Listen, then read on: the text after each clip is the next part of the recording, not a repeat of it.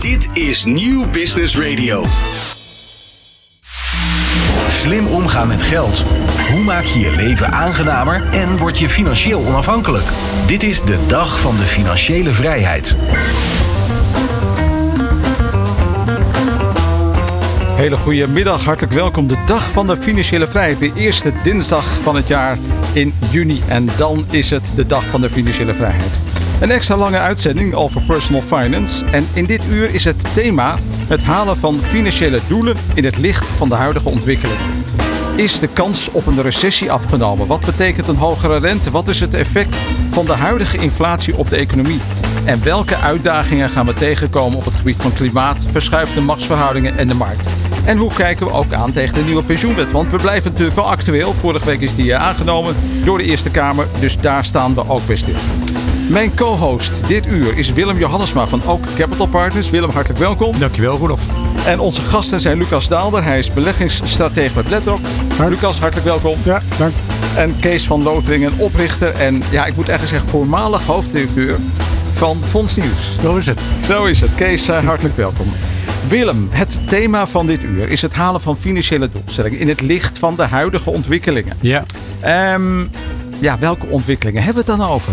Ja, nou, nou goed, dat laat ik zo dadelijk graag aan uh, de twee uh, gastsprekers over, Lucas en, uh, en Kees. maar het zijn natuurlijk op veellerlei gebied is er wel wat aan de hand. We hebben te maken met een nog steeds erg hoge inflatie. dat maakt het halen van financiële doelen maakt het ook moeilijker. Mm -hmm. we zien dat er een, al een tijd een gang is van meer zelfredzaamheid voor je oude dag. Wat natuurlijk een van de belangrijkste financiële doelen is voor mensen. Mm -hmm. Um, en die zelfredzaamheid die heeft zich nu gemanifesteerd in uiteindelijk uh, de nieuwe wet toekomstpensioen. Die nu afgelopen week dan door de Eerste Kamer is en per 1 juli aanstaande daadwerkelijk van kracht wordt. En dat, ja, daar zien we de gang van collectief naar individueel, zien we daar ook in terug. En dat betekent dat, laat zeggen, de, de toekomstige generatie uh, ook rekening moet houden met meer fluctuerende rendementen.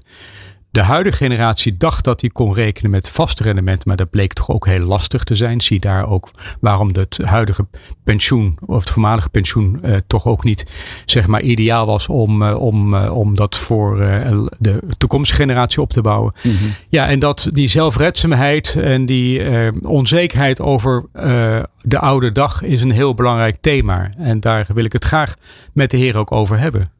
Dus heren, we gaan het over de toekomst hebben. En de toekomst is eigenlijk nu. Uh, Lucas, wat, wat, kom je aan uitdagingen vooral tegen als, als beleggingsstratege bij BlackRock? Nou ja, veel conversaties inderdaad over inflatie, over recessie, over de angst van oorlog. Uh, op dit moment is het, uh, ja, dan heb je meer conversaties dan jaren terug, zou ik zeggen. Je hebt een hele lange periode gehad dat je niet heel veel spannends te melden had. Maar nu is het echt wel een komen en gaan. Uh, en dan komen we ook nog eens een keertje net uit zo'n coronacrisis. Ik bedoel, het is de afgelopen twee jaar is natuurlijk veel meer gebeurd dan je misschien wel kan zeggen de, de tien jaar daarvoor. Ja. Uh, en ik denk dat dat eigenlijk de belangrijkste conversatie is die je met uh, veel klanten hebt. Van ja, hoe moeten we hier nou uh, mee omgaan? wat moet je hier nou van denken? Moet je hier nou ook echt beleid opvoeren? Dus moet je je portefeuille gaan aanpassen? meer, minder risico nemen? Nou, dat zijn een beetje de conversaties. Ja, en, en Kees, Kees zelfredzaamheid hoor ik Willem zeggen. Uh, uh, ja, jij houdt je ook bezig met allerlei maatschappelijke ontwikkelingen. Wat, wat zou jij daarop zeggen? Zelfredzaamheid? Ja, ik denk inderdaad dat het een stuk belangrijker aan het worden is. Omdat uh, er toch gewoon heel veel onzeker is momenteel. Ik vind ook als het om de overheid of om de staat gaat, is het niet altijd een even betrouwbare partner. Dus ik vind wel dat men steeds meer op zichzelf is aangewezen. Ja, je, je zegt wel heel netjes. De, de overheid is, is niet altijd een, een betrouwbare partner. Ik hoor het wel eens steviger. Uh. Nou ja, als jij behoefte hebt dat ik dat steviger ga zeggen. Ja, dan, ik wil graag een krachtige uitspraak. nou, nee, maar het is, kijk, het is natuurlijk. Nee, ik, ik, ben, ik ben eigenlijk heel uh, verdrietig over de overheid. Ik ben echt opgegroeid in een tijd dat. Uh, mijn vader heeft mij altijd geleerd. Je moet van het goede van de mensen uitgaan. Dus je gaat van het vertrouwen uit. Mm. Totdat het tegendeel bewezen is.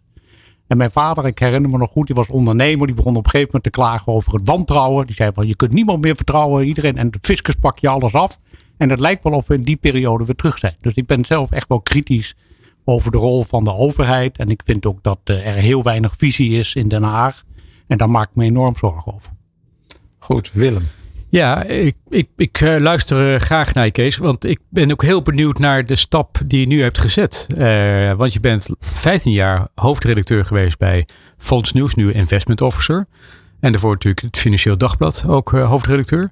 Um, en je bent nu op zoek naar het nieuwe verhaal. Ja. Hè, zoals je nieuwe podcast-serie in ieder geval ook, ook luidt dat grijpt er in elkaar van, uh, van wat je net zegt ook. Dat, uh, dat we in een ander tijdsgevricht zitten, denk ik. Ja, ja ik, ik geloof zelf. Um, ik ben dit, uh, deze podcastserie eigenlijk begonnen omdat ik in 2018 een boek heb geschreven. En dat heet Tot hier en nu verder. Nederland op de drempel van een nieuwe tijd.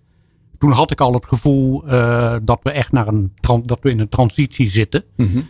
Uh, dat laatste hoofdstuk van het boek kostte me best veel moeite, omdat alles nog zo in beweging was. Ja. Maar dus ik heb nog wel iets te vereffenen. Ik wil dus nu zeg maar met op zoek naar het nieuwe verhaal eigenlijk proberen. Het is een beetje hoogdravend dat ik denk dat ik dat kan. Maar ik wil eigenlijk een nieuw verhaal vertellen voor een nieuwe tijd.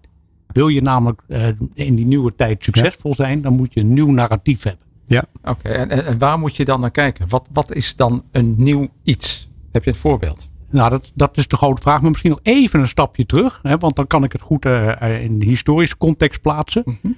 Dat is dat we, zeg maar, um, we hebben op een gegeven moment de godsdienstoorlogen gehad. Hè, die zijn ergens begonnen zo rondom 1530. Die hebben 120 jaar geduurd. En, uh, we, gaan die stap, we gaan niet een stapje terug, denk dat, ik. Hè? Dat is, nee, maar dat hou ik heel kort. Uh, nee, dus, dus, uh, we hebben, we hebben we even Willem? Nee, nee, nee maar ik ga er een volgvlucht door, doorheen. Nee, ik vind het interessant hoor. Ga door. Ja. Uiteindelijk zijn het de verlichtingsdenkers geweest. Ja. Die hebben een nieuw narratief bedacht. En dat nieuwe narratief was er één van. We moeten veel meer uitgaan van de reden en van de kennis. De wetenschap. En daar het eigenlijk ook, zou je kunnen zeggen. Ik ga een, hele, ja. een heel snel door de geschiedenis heen.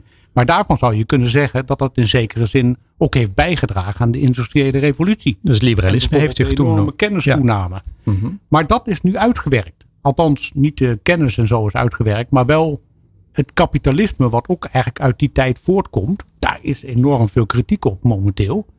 En uh, dat vind ik een interessant fenomeen. Dus we moeten naar een nieuw narratief voor een tijd die veel complexer is. En ja. in zekere zin kun je zeggen, uh, we hebben weer eenzelfde soort discussie als na de boekdrukkunst. Hebben we nu, zeg maar met de digitalisering. En er mm. komt nu kunstmatige intelligentie bij. Ja. Nou, dat maakt het gewoon heel complex. Want dan wordt de vraag, wat is eigenlijk de rol van de mens of de mensheid in die grote transitie? Ja. ja. En klimaat hoort er ook bij? Klimaat hoort er ook bij. En het, ik lees er momenteel erg veel over. Het laatste boek dat ik net gelezen heb is van Maxime Februari. Dat is een filosoof en een essayist. En hij zegt, uh, het groot gevaar is nu dat de klimaatverandering in combinatie met de opkomst van kunstmatige intelligentie wel eens heel snel ertoe zou kunnen leiden dat men naar een andere vorm van staatsbestel uh, uh, gaat. En dat het de vraag is of de democratie überhaupt, überhaupt nog overeind blijft. En wat zou er dan ontstaan? Hoe, hoe zie jij dat? Nou, dus de, de, de discussie onder juristen is eigenlijk dat er dan een wereld gaat ontstaan met algoritmes die op zichzelf werken en die dus door bedrijven worden geïmplementeerd en bedacht, maar waar eigenlijk geen controle meer op is. Mm -hmm. En dan wordt het dus heel moeilijk om, kijk naar de toeslagenaffaire, hè, die is ook ontstaan op basis van algoritme. En daar is eigenlijk nog maar heel weinig uh, zicht op wat daar nou precies gebeurt. Ja. En men probeert nu weliswaar om daar weer vat op te krijgen. Maar dat is enorm moeilijk omdat het zo schrikbarend snel gaat. Interessant. Want het bijna een dystopisch wereldbeeld wat je daar schetst. Of zie ik het te, te negatief? Nou ja, ik, dus ik denk dat inderdaad... Um, er wordt vaak gezegd we moeten ons zorgen maken over de aarde. Maar we ja. moeten ons misschien eerder zorgen maken over de mensheid. Ja. Okay. En die aarde redt zich wel. Mag ik een vraag stellen, Lucas, hierover? ja hoor. nou ja, ik, ik, dit zijn nou, laat zeggen, het heeft natuurlijk allemaal wat er ook uh, speelt, de thema's die Kees aansnijdt op het gebied van kunstmatige intelligentie, de veranderingen op klimaat die er gaande zijn. Laat zeggen, de, de globalisering en wellicht de deglobalisering die we nu zien. Um, nemen jullie dat mee in jullie strategie en jullie visie bij BlackRock? Is dat iets wat... Onze visie op 3000, uh, als dat ja, de tijdslijn is. Ja, nou, ja, ik, we ik doen ons best, we doen ons best. Ja. Uh, nee, ja, nee, uh, zeker. het, het zijn natuurlijk ook wel hele moeilijke thema's in die zin. Ik denk dat je kan er eindeloos over nadenken van wat voor consequenties het heeft. Uh, van elk van de verschillende thema's. Hè. Dus uh, ik zou zeggen, de klimaattransitie, daar kan je makkelijk al uh, nou ja, een presentatie van een uurtje of twee verhouden. Ja. Dan heb je vervolgens de vergrijzing die je eraan vast kan koppelen. AI die er nog eens een keertje via de andere kant binnenkomt. eh. Ja. Eh, en dat eh, kan ertoe leiden dat je een, een- ja, een extreme hoeveelheid van verschillende scenario's eh, voor ogen hebt. Waarvan je denkt, van, ja, oké, ik kan door de bomen het bos niet meer zien. Ja. En daar moet je natuurlijk ook een beetje voor, voor waken. Dat je niet te veel in ja, dat soort exercities blijft hangen. Want dan, dan weet je eigenlijk nog weer niks. Het is wel een van de conclusies die wij zelf trekken. Als we, en dan gaat het misschien niet zo ver terug als 1500 of eh, zo diep als, als eh, Kees het zegt. Maar wij zeggen inderdaad ook wel van, nou ja, als je naar de wereldeconomie kijkt, die komt nu wel in een andere fase. Eh, Hm. Dus nogmaals, niet, niet zo diep als, als Kees het ziet, maar eh, puur als je het hebt over macro-economie, eh, de trends die genoemd zijn, dus vergrijzing, eh, ouderdom, energietransitie, geopolitieke spanningen. Ja. Dat zijn allemaal factoren die ja, toch tot een veel onzekerdere toekomst gaat leiden. En wat dat betreft zeggen we ook inderdaad, waarschuwen wij onze klanten. Ja, de periode van, nou laten we zeggen, de afgelopen 30 jaar die je gehad hebt, van relatieve, relatieve tussen aanhalingstekens, relatieve rust. Ja. Eh, dat noemen ze ook wel de, de Great Moderation. Waarbij je ziet dat de, de volatiliteit in inflatie en, eh, en BBP-groei relatief laag is. Daarvan zeggen we, ja, die ligt gewoon achter ons. Eh, en dat betekent dus inderdaad dat je ja, ook als belegger, en niet alleen als belegger, maar ook als bedrijf en als, als individu inderdaad, daar ja, voor open moet staan. Moet nadenken, oké, hoe ga ik om in zo'n nieuwe wereld? Hoe moet ik acteren in zo'n nieuwe wereld? Ja. je hoort Kees ook zeggen van nou ja, het, het kapitalisme eh, is misschien wel ten dode opgeschreven. Maar als belegger heb je daar nou heel erg mee te maken. Ja. Hoe kijk je daar dan tegenaan? Nou ja, kijk, dat, dat bedoel ik. Wij gaan niet zo diep als Kees. Eh, dat is niet een scenario waarbij we zeggen van het kapitalisme is voorbij. Ja, dat, dat scenario kan je trouwens makkelijk opstellen. Maar dan zou ik zeggen, dan, dan moet je het woord beleggen gewoon ook schrappen. Want waarschijnlijk eh, heb je dan geen bedrijven meer waar je eh, eigenaar van bent middels aandelen. Dus zover gaan we niet. Maar het is wel zo, ja, kijk, geopolitieke spanningen. En met name ook de, de, in het wereldtoneel, de, de blokvorming. China tegenover Amerika. en alle actoren die daarbij komen kijken. eh, Rusland die weer anders ligt. eh, Afrika die een rol krijgt. eh, dat levert natuurlijk toch ja, veel onzekerheid op. En dat kan er best toe leiden dat er op sommige momenten, nou, eigenlijk een beetje een soort van herhaling komt van wat je nu gezien hebt. Dat er sommige gebieden op een goed moment, en dat, is niet een vaste datum in de agenda, maar op een goed moment dat er een, ja, een ontwikkeling is waardoor bijvoorbeeld China tijdelijk eh, ook van de wereldeconomie wordt afgesloten. Ja, dat heeft natuurlijk verdragende gevolgen voor de manier waarop wij ons eigen systeem eh, eh, ja, kunnen handhaven. Want we zijn op dit moment heel erg afhankelijk van China. Ja, er wordt ook wel eens gezegd, van, eh, Kees, er is een soort nieuwe koude oorlog eh, aan de hand. Hè? Dus, dus Zeker. meer dat het Oost-West, maar met andere machtsblokken. Hoe kijk jij daarnaar? Nou ja, ik geloof echt dat we, eh, om, om, om nog een paradigmawisseling te noemen, om het extra complex te maken. Dat is volgens mij dat, eh, dat je ziet dat de Verenigde Staten, eh, al zullen ze dat zelf niet herkennen, maar daar is wel de vraag van of dat voor de langere termijn de hegemonie van de wereld blijft. Er is Ja. gewoon een strijd gaande tussen China en de Verenigde Staten op dat punt. En eh, ik, ik ben wat dat betreft wel ook wel kritisch over de Verenigde Staten. Want er zitten geloof ik nu 30.000 miljard schuld. Ja. Is er in die samenleving. Eh, het hele systeem is gebaseerd op het belang van de dollar als eh, reservevaluta. Je ziet dat de BRIC-landen, die zijn aan het schuiven. Die willen er eigenlijk van die afhankelijkheid af. Daar heeft Rusland, de oorlog met Rusland, een belangrijke rol in gespeeld. En dat is vind ik wel een, een zwaard van Damocles dat boven de situatie hangt. En je noemt de BRIC-landen. Dat zijn dus nieuwe machtsblokken die ook ontstaan. Hè? India, hè? Nu, nu met eigenlijk de, de meeste inwoners ter wereld. Kijk, het is niet voor niets dat, eh, dat, dat eh, de Verenigde Staten nu zoveel aandacht heeft voor China. Omdat natuurlijk er is, er is een verschuiving gaan in de wereld naar de Pacific. Ja. En daar komen die twee blokken elkaar tegen. En Europa is in mijn beleving toch een beetje, eh, ja, dat is de achteruitgang van de wereld aan het worden. Ook als je kijkt naar het aantal mensen dat hier leeft en eh, de vergrijzing, dan is dat echt problematisch. Dan is dat echt een ontwikkeling die, die ik zorgwekkend vind. Ik kom er net vandaan. Hè? Ik ben vanochtend geland. Ja, je bent nog Ik zit- steeds wakker, ik Willem. zit Je nog- komt uit New ik York zit, nog, nu. eh, ik zit nog in de Amerikaanse tijd. eh, Ja, ja. En ehm, Maar als je het uh, Kees Nee, het- over Amerika hoort, wat, wat, eh, Ja, jij bent er net geweest. Kijk, wij, ik ben ook eh, 56 en eh, onze jeugd, noem ik hem even, was toch Amerika was Ja, hè? zeker. het beloofde land, was het gidsland toch? En als je daar ehm, rondloopt, en dan heb ik het over New York, andere steden staan er anders voor. Als je nieuwere steden van Amerika bekijkt, of Austin of een, eh, Phoenix, die hebben echt andere infrastructuur. Maar als je toch in New York, dan pak je de, ik pak gewoon het openbaar vervoer. En als je dan dat openbaar vervoer instapt, ik ben in 1998 geweest en uh, dat denk, is nog 25 jaar geleden exact dezelfde treinstellen. Ik denk daadwerkelijk dat ze ook geen onderhoud hebben gehad die 25 jaar. Het is, het is allemaal gewoon, mag ik het zo zeggen, oude meuk. En uh, ook de stad zelf is eigenlijk gewoon wel oud aan het worden.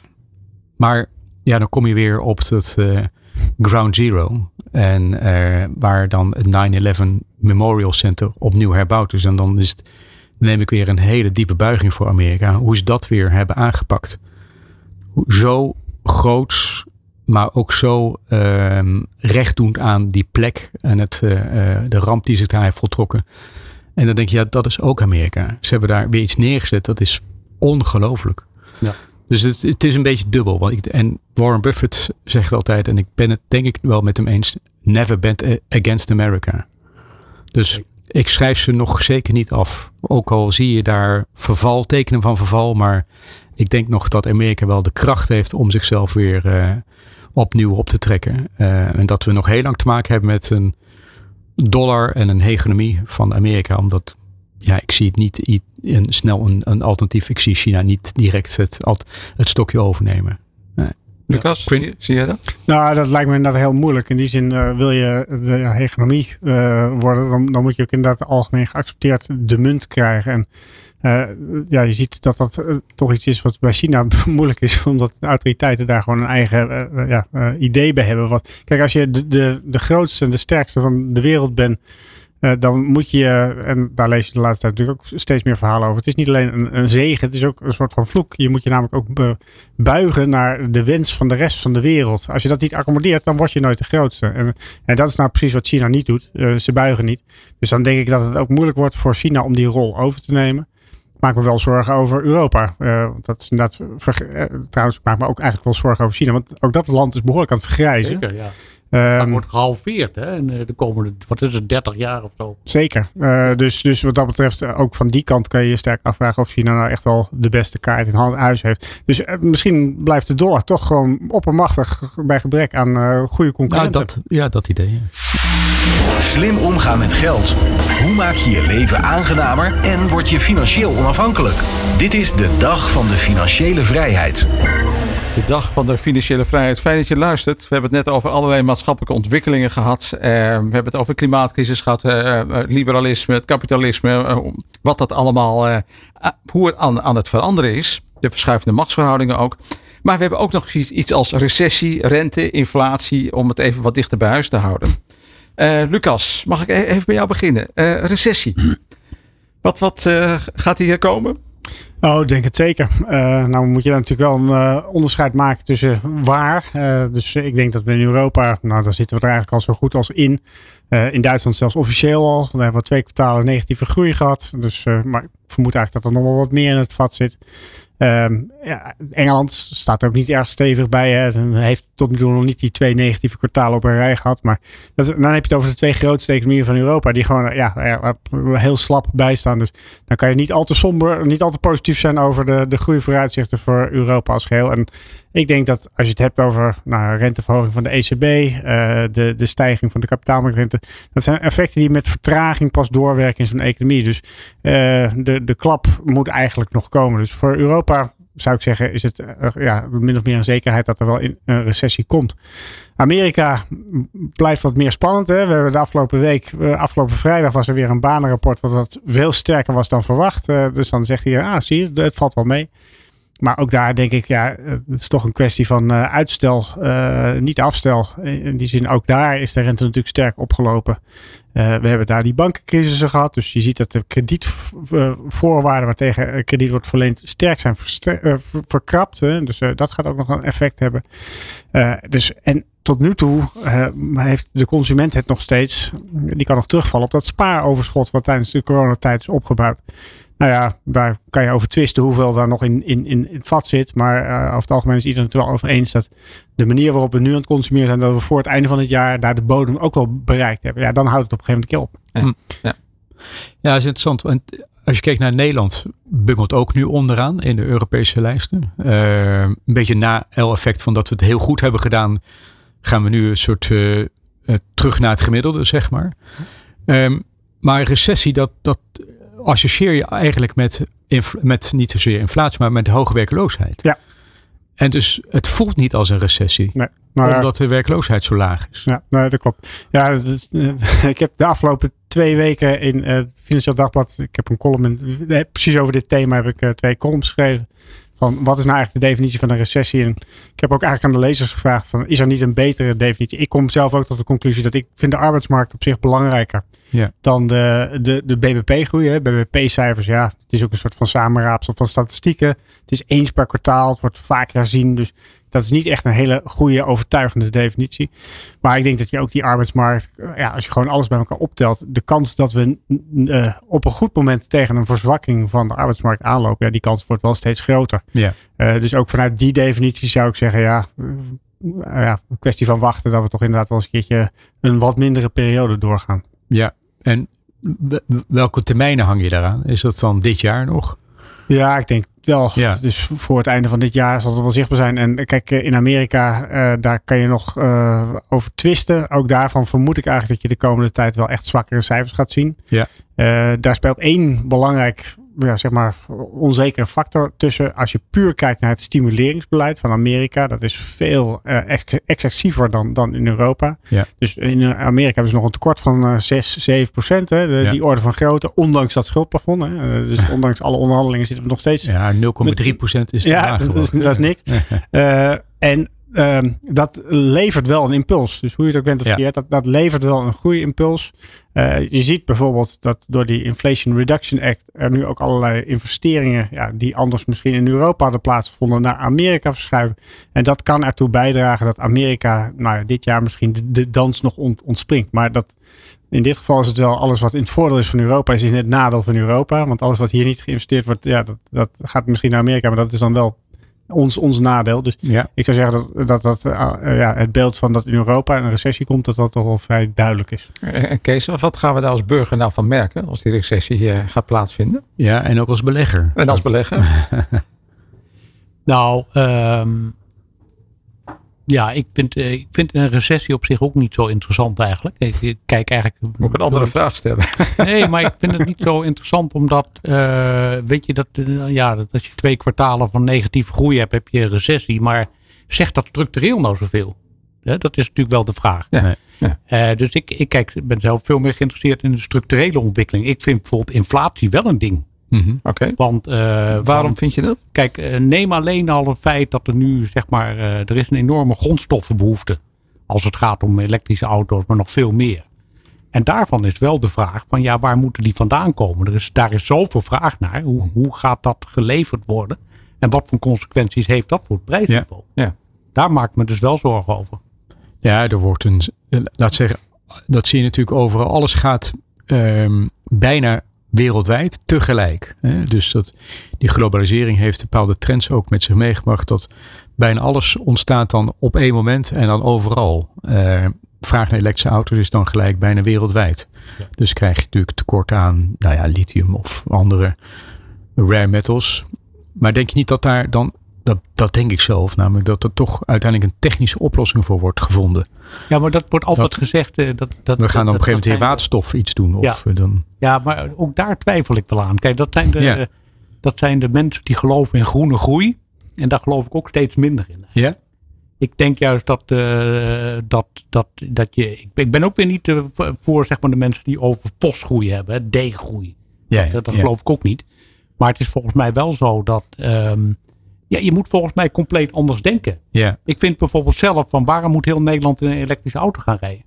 Je kan beter gewoon zorgen dat het openbaar vervoer uh, Ja. gratis wordt. Ja. En dat je bijvoorbeeld meer met leenauto's werkt. Dat is waar jonge mensen over nadenken. Ja. Dus Dus we gebruik. moeten, uit die, we moeten uit die traditionele paradigma. Dus, dus je moet uit het idee van bezit naar gebruik bijvoorbeeld? Bijvoorbeeld, ja.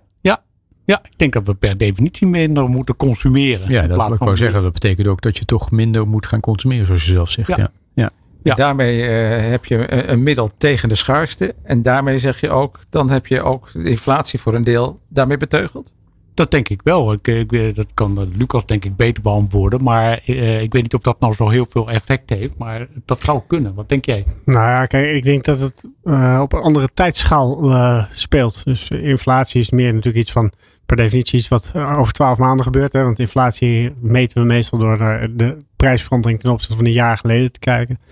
En daar speelt nu natuurlijk veel meer zaken als inhaaleffect, tweede orde effect, lonen, uh, dat soort effecten. De daalde, gedaalde olieprijs. want dat is natuurlijk een gasprijs die stijgt. Dus dat zijn de elementen die, als je het over inflatie hebt, een rol spelen. En welke inflatie je neemt, hè? Ja, ook dat. Dat uh, hebben we natuurlijk uh, ook in deze crisis weer keurig gezien. Dat uh, niet, ook, niet iedereen heeft dezelfde inflatie. Mijn inflatie ziet er heel anders uit dan, dan mijn buurman. Ja. en ja, we moeten ons ook niet gek laten maken door zo'n een, een, eenmalig cijfer. Wat lang niet voor iedereen van toepassing is. Dat klopt. Ja. Maar ehm, ja, kijk, ik, zit wat meer in de hoek van uh, toch wel dat ook uh, op een goed moment de menselijk vernuft wel tot een, iets van een oplossing komt. Um, het, wat bijvoorbeeld wel opvallend is, dat uh, iedereen een jaar geleden zei van nou ja, die elektrificatie, dat betekent dat de koopprijzen gigantisch door het dak zullen gaan. Of nou, als je nu kijkt naar wat de koperprijs de afgelopen tijd heeft die zakt alleen maar verder weg. En dan roept hij, ja, eens even wachten, tijdelijke dip in verband met de conjunctuur. Nou, dat zou kunnen. Maar het valt mij altijd op dat, dat de, zeg maar de, de zekerheden waarmee we bepaalde dingen denken te weten, dat die achteraf toch niet altijd kloppen. Uh, en, en dat is eigenlijk iets waarvan ik zelf altijd denk van ja, je moet niet te veel in, in uh, een punt op de horizon denken van oké, dat is waar we naartoe gaan. Vaak zijn er heel veel scenario's, verschillende uitkomsten mogelijk. Het is veel slimmer om naar zo'n ja, een beetje mix van scenario's te kijken dan dat je echt één specifiek scenario voor ogen hebt van dit is hoe het gaat worden. Want zelfs als je gelijk hebt, kan je er ook nog eens een keertje gewoon qua timing naast zitten. Uh, gebeurt ja. niet nu, maar gebeurt pas over tien jaar. Ja, over vijftig jaar. Ja, als belegger maakt dat natuurlijk ook wel wat uit.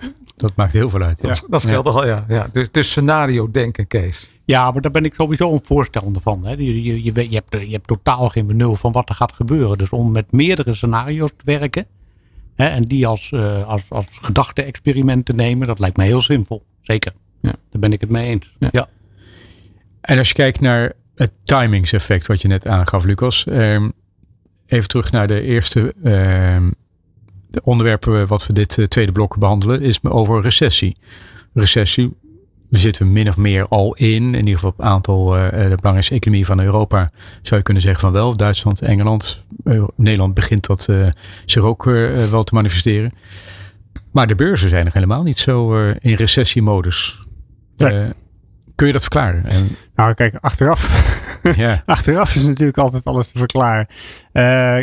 kijk, ik kan me, er zijn op zich meerdere verklaringen mogelijk. Eén verklaring is dat je ziet dat de markt nu zich echt wel aan het ja, verheugen is op het feit dat die inflatie wel naar beneden komt. Ja. En je kan je voorstellen dat, stel je komt in een scenario terecht waarbij die inflatie opeens richting de 2% gaat. Dat betekent dat er opeens weer heel veel ruimte is voor de centrale bank om de rente te verlagen. Dat betekent ook dat de kapitaalmarktrente weer naar beneden kan.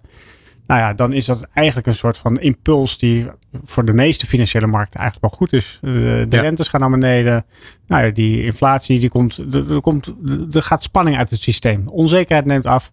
Eh, ik zeg niet dat het een waarschijnlijk scenario is, hè, maar stel dat dat het scenario is. Ik kan me best voorstellen dat je als belegger denkt van ja, dat risico durf ik niet te nemen. ook al is de kans erop niet groot, maar uh, stel het is een kans van 20%. Ja, stel dat ik het mis en die kans laat lopen, ja, dat gaat zoveel pijn doen. Dus laat ik toch voor de zekerheid ook maar een gedeelte van mijn positie op, ja, op, op die uh, meevallende inflatiecijfers. Ja, Dus dat is één verklaring. Ik zeg niet dat het de juiste is, maar dat is een mogelijkheid. Een soort Goldilocks uh, scenario. hè? Dus, en dat is het gewoon een af, afweging van durf je er 100% van uitgaan dat die recessie komt en dat het inderdaad fout gaat? Of denk je van nou, weet je wat, zeker voor het onzekere. Dat is zeg maar een beetje een, een narratief zou je kunnen zeggen. Ik, zelf zit ik meer altijd dat ik denk van ja, uh, wij zijn altijd geneigd om inderdaad op zoek te gaan naar verhaallijnen. Van waarom gebeurt er iets in die beurs. Uh, terwijl uh, in principe is de beurs niet meer dan vraag en aanbod. Uh, en uh, je kan natuurlijk eigenlijk structureler zou je moeten kijken van wie koopt er nu? waar komt het kapitaal vandaan? En als je teruggaat naar 2019, voor de crisis, hadden we te maken met een uh, savingsglat, zoals dat een, een spaaroverschot, ja. vergrijzing, uh, China die miljarden uh, dollars op de bank had staan, Japan idem dito. Uh, er werd veel te veel gespaard. Dat ging altijd ergens naartoe. Dat moet ergens neerslaan. Nou, dat was financiële markten. Ja, daar is eigenlijk niet zo heel erg veel aan veranderd. En Je, sterker nog, je kan zelf zeggen dat er nog een extra besparing bijgekomen is. Namelijk die sterke stijging van de olieprijzen. Ja, die hebben wij moeten betalen als consument. Of in Nederland dan de overheid tot op zekere hoogte. Dat is eigenlijk een subsidie geweest aan Ja. het, het Midden-Oosten. Ja. Die hebben opeens weer petrodollars. Ja. eh, wat doen die met hun geld? Die beleggen dat. Ja. En, en over het algemeen kan je zeggen dat eh, de mensen in het Midden-Oosten, of althans de beleggers in het Midden-Oosten, echt wel wat agressiever in die, in die aandelenmarkt zitten. Dus ook dat kan je zien als een verklaring. Ah, en dat, natuurlijk krijg je dan ook natuurlijk dat de, een klein groepje aandelen op dit Ja. moment eh, een groot deel van de Ja, beursstijging had dat is de derde Ja. eh, zeg maar poot die je kan zien. Ja, daar zit natuurlijk heel veel fantasie in het hele AI-verhaal. Ja. Want dat is natuurlijk Ja. wel het op neerkomt. Eh, als Vind je ik wel leuk om daar even op in te gaan, hoor. Ja. in te zoomen op. Ja. Zowel bij jou, Kees, als bij jou, Lucas. Ja, ja. Ja, nou goed, ja, het is heel simpel. Als je dus nu kijkt naar de, de S&P 500, de, de grote vijf aandelen, die zijn nu goed voor 24% van de S&P 500. Hè. Nou, Ja. De naam zegt het al, er zijn 500 aandelen. en met vijf heb je al 24% te pakken. Dat betekent dat de rest dus heel klein is. Nou ja, dit, dit zijn historisch gezien ongekende niveaus. Dus zelfs tijdens de dotcom Ja. zeepbel, dat is van het jaar 2000, eh, waar alles om internet draaide, eh, zaten we geloof ik op iets van 18% of zo. Dus, dus het zit echt een stuk hoger dan dat. jaren 60 had je de Nifty 50. Ja, hè? Maar dus ook Ja. toen zat je volgens mij op lagere eh, niveaus dan, dan wat je nu ziet. ja. Eh, Is, is dat uh, onrustbarend? sorry? Is dat onrustbarend? Nou ja, onrustbaar. Eh, kijk, eh, zelf zie ik het meer als een, een risico voor beleggers die alleen maar in Amerika zitten. Je, je zit een beetje in een one-trick pony. Want kijk, als je naar de Amerikaanse beurs kijkt. Ja, de grote namen, dat zijn natuurlijk eh, Apple, Nvidia, eh, Microsoft. Dat zijn allemaal, allemaal in dezelfde hoek. Ja. Terwijl als je de, de top 5 van Europa erbij pakt. eh, dus laten we zeggen de, de Stocks 50, eh, Stocks 600. Hè, zeg maar Ja. de S&P 500 voor, voor Europa. Nou, dan is de top 5 is ongeveer 16%. Maar dan heb je het over, nou ja, eh, eh, van al, er zit ASML in, daar zit Mash, Nestlé in, daar zit eh LVMH in. Dat is een goed gediversifieerd mandje van verschillende sectoren. Ja. Dus daar ligt een risico. Je hebt inderdaad, als je Amerikaanse kijk, als het goed gaat, gaat goed. Dus als die, als die, die digitalisering en die AI-revolutie doorgaat, ja, dan moet je natuurlijk in Amerika zitten. Maar als daar op een gegeven moment een tik is, Ja. ja op het moment dat 24% van je index, eh, nou laten we zeggen, een correctie doormaken van 20%, dan wordt het wel heel moeilijk voor de rest van de index om daar nog compensatie voor te vinden. Ja, Eh, en dat AI is natuurlijk eh tacht alle verbeelding, hè, wat het allemaal ons gaat brengen. Nvidia noem, noem je die al, dat is volgens mij eh, van 240 miljard beurswaarde twee jaar geleden nu naar richting de 1000 gegaan. Ja. Eh, terwijl toch in die tijd wel een beurscorrectie ook heeft plaatsgevonden in 2022. Nou, andere bedrijven natuurlijk ook eh, enorm gestegen.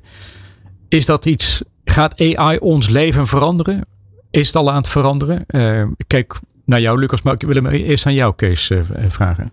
Ja, dat, eh, dat gaat, gaat het absoluut eh, Ja. doen. Ehm, al was het maar, hè, omdat je nu bijvoorbeeld hoort dat de grote ondernemingen al nadenken over kunnen ze niet van een aantal mensen af, omdat je dat allemaal via AI ook heel goed kan doen. Ja. Dus eh, het gaat zeker consequenties hebben voor de arbeidsmarkt. Las zelf laatst een verhaal in de Wall Street Journal dat je maar beter een blue collar dan een white collar kunt zijn. Dat daar gewoon veel nog- meer werk voor is. Dat Heb nog handjes? dat gaat ja. echt veranderen.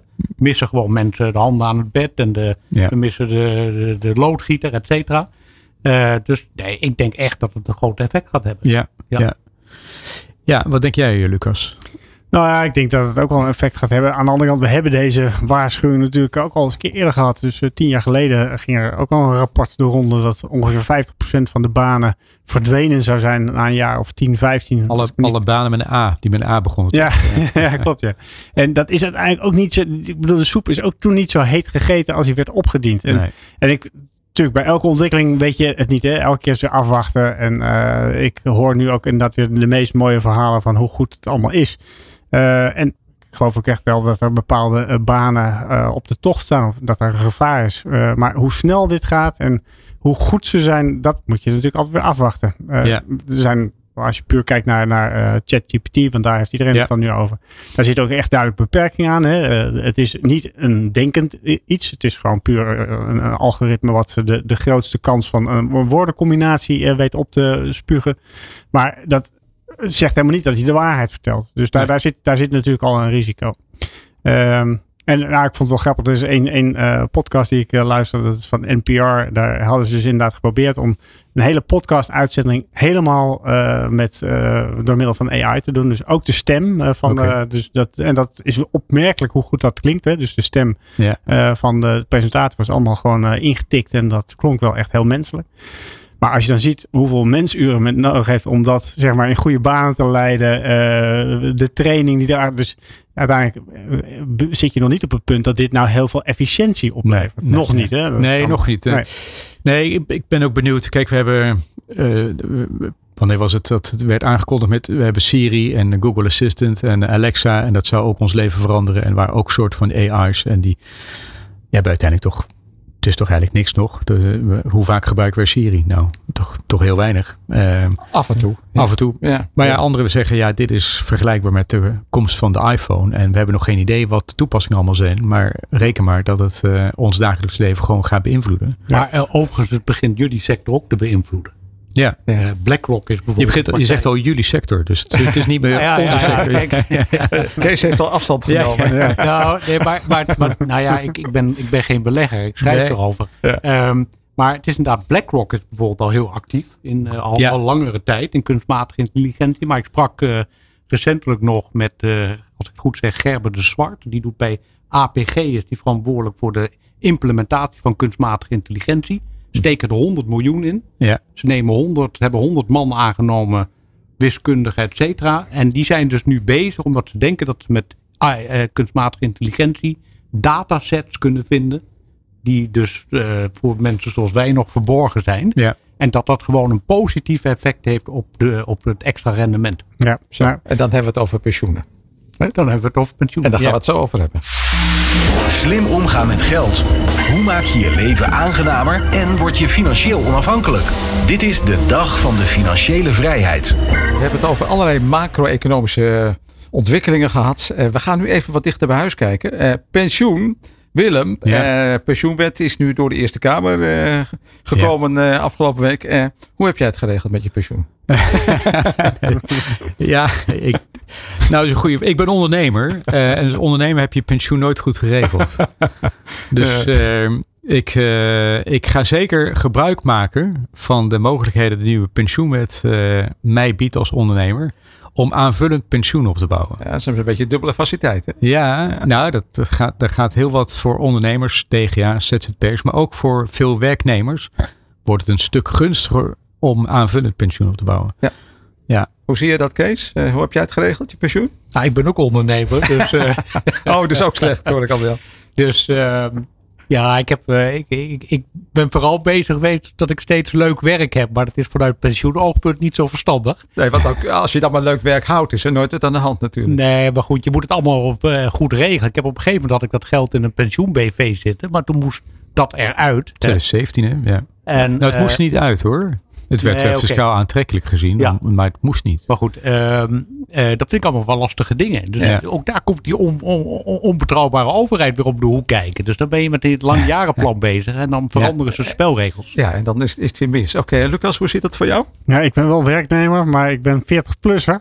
dat schijnt de meest slechte groep te zijn, want dan heb je wel een extra uh, premie gestort, maar je krijgt het niet meer. Nee, de, dat is de pechgeneratie. Nee, ja, nee, ik heb het in die zin ook niet netjes geregeld in, dat ik volgens mij bij zes verschillende pensioenuitkerers uh, potjes heb opgebouwd. Dus of dat nou optimaal is, dat kan je natuurlijk ook heel sterk afvragen. Aan de andere kant, uh, ik uh, heb zelf ook altijd gedacht van nou, het pensioen, dan moet je maar afwachten. Mijn ouders zeiden altijd AOW, reken er niet op dat jij het krijgt. dat is onbetaalbaar tegen die tijd. Dus ik heb ook inderdaad altijd gedacht van nou, ik zorg altijd dat ik een huis heb. en ik heb een huis, dus nou ja, als, als het echt helemaal misgaat met mijn pensioen, dan kan ik altijd nog van mijn huis leven, laat ik het zo zeggen. Ja, ja, ja dat is mooi. Weet jullie hoeveel je nodig hebt voor je pensioen? Nee, niet, niet in concrete bedragen, maar heb je enig idee dat, uh, wat ongeveer het maatstaf is? Dus in het kader van het halen van financiële Ja, want dat is ja, natuurlijk, je, je moet het concreet platslaan in, in bedragen, maar dan moet je een bepaalde richtlijn hebben. Ja. Maar de, de overheid denkt in ieder geval dat je 70% van je laatstverdiende salaris, dat je het daarmee wel kan doen, zeg maar. Dus dat, en dan moet je kijken hoe oud je wordt, zeg maar. Ja voor 20 jaar na je AOW-leeftijd gemiddeld. Dus ja, een beetje. Ja. Dus ja, dan heb je een beetje een idee van het bedrag in, uh, in, in, wat je als potje moet hebben om te gaan rentenieren. Ja. Nou ja, maar je hebt ook de, de, de FIRE eh, movement. Hè? Ja, De- ja, ja, nee, maar ik ga ervan uit dat je gewoon je, mens, je, je huidige levensstandaard op peil houdt dan. Hè? Ja, nee, maar goed. eh, eh, Er zijn, want dat is namelijk wel interessant. Er zijn eh, ook studies uit Australië die laten zien dat mensen het vermogen wat ze hebben opgebouwd. op het moment dat ze met pensioen gaan, dat dat ongeveer hetzelfde is. En dat is natuurlijk niet altijd zo. Het hangt ook van wat, wat er in de financiële markt gebeurt. Maar dat dat ongeveer hetzelfde is op het moment dat ze doodgaan. En dan denk je van, hoe kan dat nou? Want je moet er ergens van leven. Nou ja, dat is een beetje het FIRE-principe. Als je maar een voldoende vermogen hebt en kan leven van het rendement bijvoorbeeld, dan oh, ja, teer je niet in. Ja. Eh, of je teert wel wat in, maar je hebt net toevallig geluk dat de beurs op een goed moment omhoog gaat. En dat Ja. je op die manier dus je vermogen weet. eh, dus ehm, ja, er zijn wel wat andere elementen die ook een rol spelen. Nee, zeker. Kijk, het is, het is simpel je uitgaven en je inkomsten. En je- in Amerika is een soort 4% regel altijd geweest. Dat eh, je kunt ongeveer 4% per jaar uit je pensioenpot halen zonder in te teren. Ja, Give or take. Dan, dan maak je dus 4% rendement. Dan komt Ja. het ja. neer netto. Nu- Netto, ja. Ja. ja. ja, ja. Nou, dat, dat is best, eh, laat zeggen, in het huidige tijdsgevricht is dat wel ambitieus. Maar, maar goed, moet je, je kijkt ook niet eh, op één of twee jaar. Je kijkt dus over twintig jaar. Dus ja, Gemiddeld zou dat met een beetje een gemengde portefeuille moet dat kunnen. Hè? dat zou moeten lukken, ja. ja. Nee, dat is wel interessant. Maar je, de- kijk, wat, wat Kees zegt. eh, eh, want we hebben nu eh, dit, dit blok over pensioen. Ik hoop niet dat de luisteraar gelijk afhaakt. En denkt van, oh god, pensioen. Dat vind ik Vreselijk saai is uitermate saai. het is het natuurlijk ook. Maar het is, het is een van de belangrijkste dingen eigenlijk in de financiële wereld. Hè? Ik Ja, het is of je morgen ook nog kunt, kunt uitgeven. ja, Dat is het. ja, natuurlijk. en morgen ja. kan morgen Het is zijn, het- morgen de grootste pot met geld zit in pensioenen. Ja. Ehm, maar Kees, jij zei, van, ik vind het ook wel lastig. En bij ook eh, zeggen wij ehm, dat pensioen, beleggen en, en vermogen eh, over het algemeen voor veel mensen lastige onderwerpen zijn. Ehm, zowel kennis ontbeert, maar ook eh, de tijd ontbeert en vaak ook de discipline ontbeert. Dus Nou. mensen die er zelfs verstand van hebben, vinden het ook nog lastig om daar goede beslissingen op te nemen. Nou, kijk, ik kan het wel lastig vinden, maar ik kan je wel vertellen, ik heb een stalen discipline. Nou, goed zo. Oh. Dus ik eh, spaar echt al heel lang en heel Ja, goed. kijk, dat is heel wat. komt er dan ook niet aan. Er zit Nee, ook. zeker niet. Ja, Nee, ik, ben ook, ik leef ook heel sober, moet ik zeggen. En eh, zit gewoon in mijn aard. En voor de rest, eh, ja, ik geloof heel erg in dat compounden. Ja. Dus zo heel vroeg beginnen. Rente op heb rente. Ja, vroeg beginnen, dat is tijd is je grootste vriend. Echt Dus, heel eh, vroeg beginnen. En eh, ik heb een zoon die werkt bij Optimix. Eh, en eh, die, die, die is ook al heel vroeg begonnen. Die heeft de hele berekening gemaakt. En die stort gewoon iedere maand door. Ja, die, die En kan fire en dan En dan retire heb je, early. gewoon, dan heb je zeg maar de, de hele lange looptijd. Ja, en dan Ja. komt het allemaal wel goed. Ik zeg niet dat ik het zo goed geregeld heb. maar ik nee, denk maar in dat, ieder geval dat ik het aan mijn kinderen heb overgedragen. nou heel goed. Maar de- jij bent toch wel de uitzonderingen. De meeste mensen hebben het, Zeker. veel ZZP'ers, DGA's, MKB'ers hebben het niet zo goed geregeld. Nee, want die, hebben gewoon Sterker nog. hun, hun huidige inkomsten en uitgaven. En vaak is dat precies genoeg om rond te komen. En dat Ja. is het dan. En, Ja. en we hebben het hier ook wel eens gehad, Willem, over het verschil tussen beleggingsrendement en beleggersrendement. Ja, dus, gedrag, wa- wat jij zegt, Kees, Nou, die dat is discipline, is, is, natuurlijk geweldig. Als iedereen dat zou hebben, dan zou je het probleem ook niet hebben. ja, dat is een goed punt wat je aanhaalt. Ja, bele- de, het beleggingsrendement is het rendement wat behaald wordt door beurs of bepaalde fondsen. Maar wat beleggers daadwerkelijk halen, dat scheelt procenten ten opzichte van wat, eh, wat de index is. En dat komt door hun eigen gedrag. Ja. Omdat ze precies op het verkeerde moment instappen en precies op het verkeerde moment helaas ook uitstappen. Dat je op het verkeerde moment instapt kun je niks aan doen. Maar dat uitstappen, ja, dat had je misschien toch beter niet kunnen doen. Ik heb Ja. misschien wel een aardige anekdote om even te vertellen. Dat gaat over de baas van eh, Lucas Daalder. dat is namelijk eh, Larry Fink. Ja. Die, ik had de eer om hem in 2013 te ontmoeten in, de, in Fiji in Zeist, vlakbij PGM. En hij was nogal chagrijnig. En ik dacht van dit interview gaat niks worden. En dat dacht Leen Meijaert ook, de toenmalige baas van eh, BlackRock Nederland. Die zei dat wordt helemaal niks. Maar hij zei een aantal dingen die zo boeiend waren. En die ik eigenlijk nog tot de dag van vandaag meeneem. Een van de dingen die hij zei bijvoorbeeld, er komt een einde aan de globalisering. Er komt een reshoring van het bedrijfsleven. in 2013. Amerika. Bedrijven keren terug naar Amerika vanwege de energierevolutie. En als vierde zei hij, eh, je moet enorm goed rekening houden met het lange levenrisico. Nou, daar had ik nog nooit van gehoord in die tijd. ik denk, wat is dat? Maar dat lange levenrisico, daar had hij natuurlijk ook een punt. Ja. Die zei van nou, je moet juist eh, zoveel mogelijk in eh, zakelijke waarde beleggen. Omdat dat er uiteindelijk ertoe bijdraagt dat je hoge rendementen haalt die Dus je nodig hebt als je 90 wordt. Ja, Aandelen, vastgoed, dat soort dingen. Aandelen. En dus hij was ook, denk ik, gevoelsmatig ook wel tegen zo'n klassieke portefeuille 60-40. Dat hij gewoon vond dat moet je anders inrichten. Omdat je gewoon je tijds, je, je, je horizon en je perspectief moet een hele andere zijn. Ja. Ik vond dat wel een. Uh, Voor mij was dat echt wel een, een inzicht dat hij daar gaf. Dat, dat, hij, hij was net van tevoren ingefluisterd door Lucas. Ja, nee hoor, toen werkte ik nog niet bij Blackrock. Oh, nee, ja, en het opmerking is dus dat het enige land zo'n beetje ter wereld waar het langer leven uh, probleem steeds minder wordt, dat is Amerika. ja. Dus, ja, maar de gemiddelde leeftijd die gaat maar naar beneden, naar beneden, naar beneden. Dus uh, helemaal visionair. Hij, hij wist het, terwijl het voor zijn eigen land niet gold. Ja. Ja. en als we de nieuwe pensioenwet kijken, waar het toch individueler is en het lang levenrisico daarbij, hoe, hoe verhoudt zich dat? Nou, we gaan uh, meer toe naar een individueel potje. Uh, we gaan toe naar defined contributions in plaats van defined benefits. Wat dus, dus betekent, de inleg. Ja, je gaat uit van wat je hebt ingelegd en niet uh, van wat je eruit kan halen. Dat staat niet vast. Wat je ingelegd hebt staat wel vast. Maar wat je eruit krijgt, dat staat niet vast. Um, dus dat zijn twee hele belangrijke componenten voor de collectief pensioenen. Maar uh, wat wij als ook heel belangrijk vinden en daar eigenlijk al laat zeggen, we zijn er al zes jaar mee bezig om ons daar ook op voor te bereiden, is dat uh, het aanvullend pensioen, lijfrente, uh, dat wordt nu fiscaal hetzelfde gezien als echt pensioen, dus collectief pensioen. En dat betekent dat uh, ja, met name die grote groep ZZP'ers, 1 miljoen ZZP'ers die in Nederland zijn, die eigenlijk geen toegang hebben tot de collectieve pensioenen, maar ook DGA's, MKB'ers, gewoon al, alle ondernemers, ja, die krijgen nu de mogelijkheid om met dezelfde fiscale faciliteiten ook pensioen op te bouwen. En dat betekent concreet dat zij vanaf 1 juli, maar met terugwerkende kracht over het hele jaar, mag je tot 30% van uh, je pensioengrondslag, dat is, nou, laat zeggen, ongeveer een uh, ruim een ton. Maar dat betekent dat je 30, 35.000 euro mag aftrekken dit jaar en eigenlijk de komende jaren ook. Uh, om pensioen op te bouwen. Dat betekent dat een forse, dat is de grootste aftrekpost, wordt dit de komende jaren voor heel veel mensen.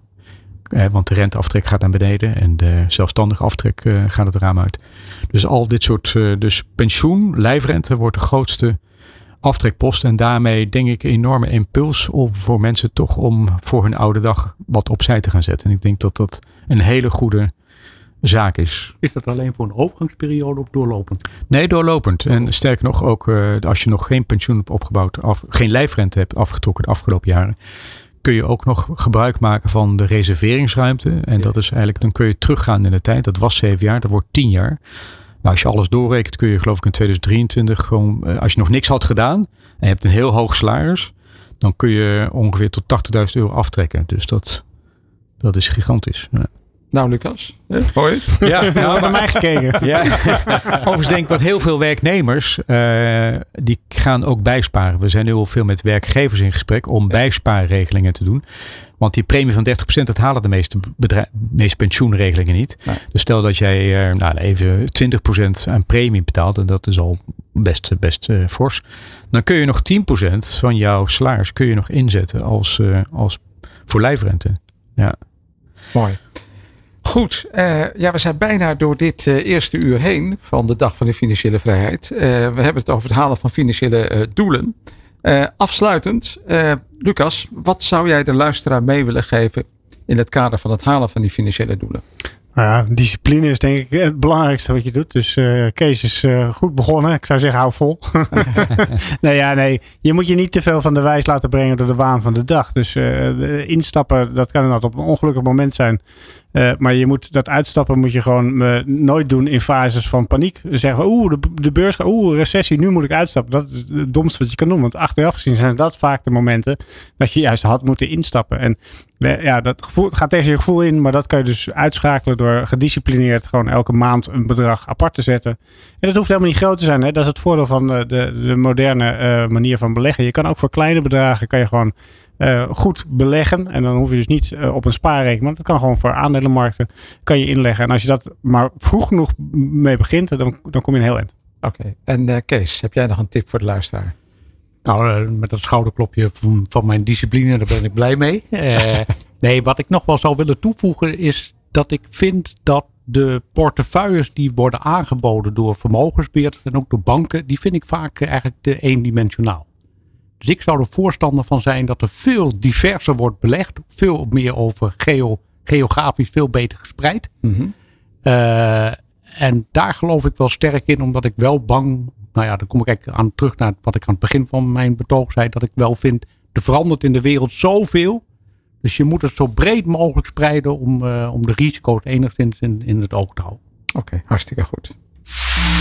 Slim omgaan met geld. Hoe maak je je leven aangenamer en word je financieel onafhankelijk? Dit is de dag van de financiële vrijheid. Ja, Willem, we, zijn er doorheen. Dit Ja. eerste uur, je- mijn co-host, Ja, leuk. Willem Johannesma van eh, ook Capital Partners. Eh, wat eh, neem jij mee van dit uur?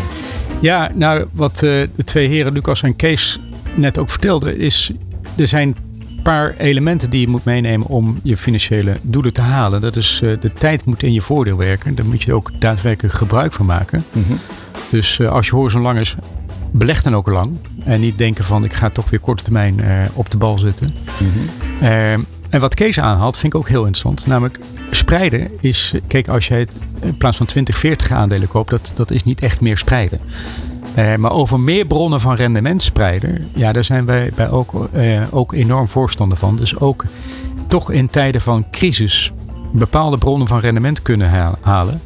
Ja, dat is een heel belangrijk element en dat is ook waar wij, eh, waar wij sterk op in- inzetten. Dus spreiden, een discipline voor de lange termijn, dat zijn voor mij de belangrijkste punten. Ja.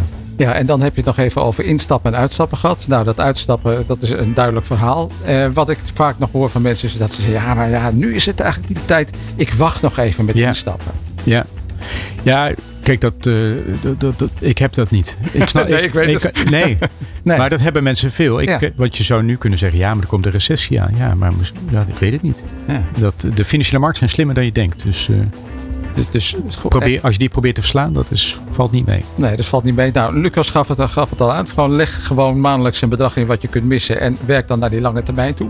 Eh, Kees, ja, ik, ik denk toch dat we eens een keer ook met jou moeten praten. Want eh, Ja, de, dat zou ik zeker even aanbevelen. Dus ehm, ja, ja, goed. De haalbaarheid van eh, financiële doelen. De eerste uur, het eerste uur van de dag van de financiële vrijheid. Lucas Daalder, hartelijk dank van eh, BlackRock. Graag gedaan. Kees van Loteringen, ook hartelijk dank. graag gedaan. En eh, Willem Johannesma van Ook Capital Partners, mijn co-host vandaag. Ook dankjewel. Graag gedaan en je ook bedankt. En eh, blijf lekker luisteren, want in het tweede uur dan hebben we de kracht van de akte, vermogensoverdracht en vermogensbescherming. En dat gebeurt niet zomaar. Slim omgaan met geld. Hoe maak je je leven aangenamer en word je financieel onafhankelijk? Dit is de dag van de financiële vrijheid.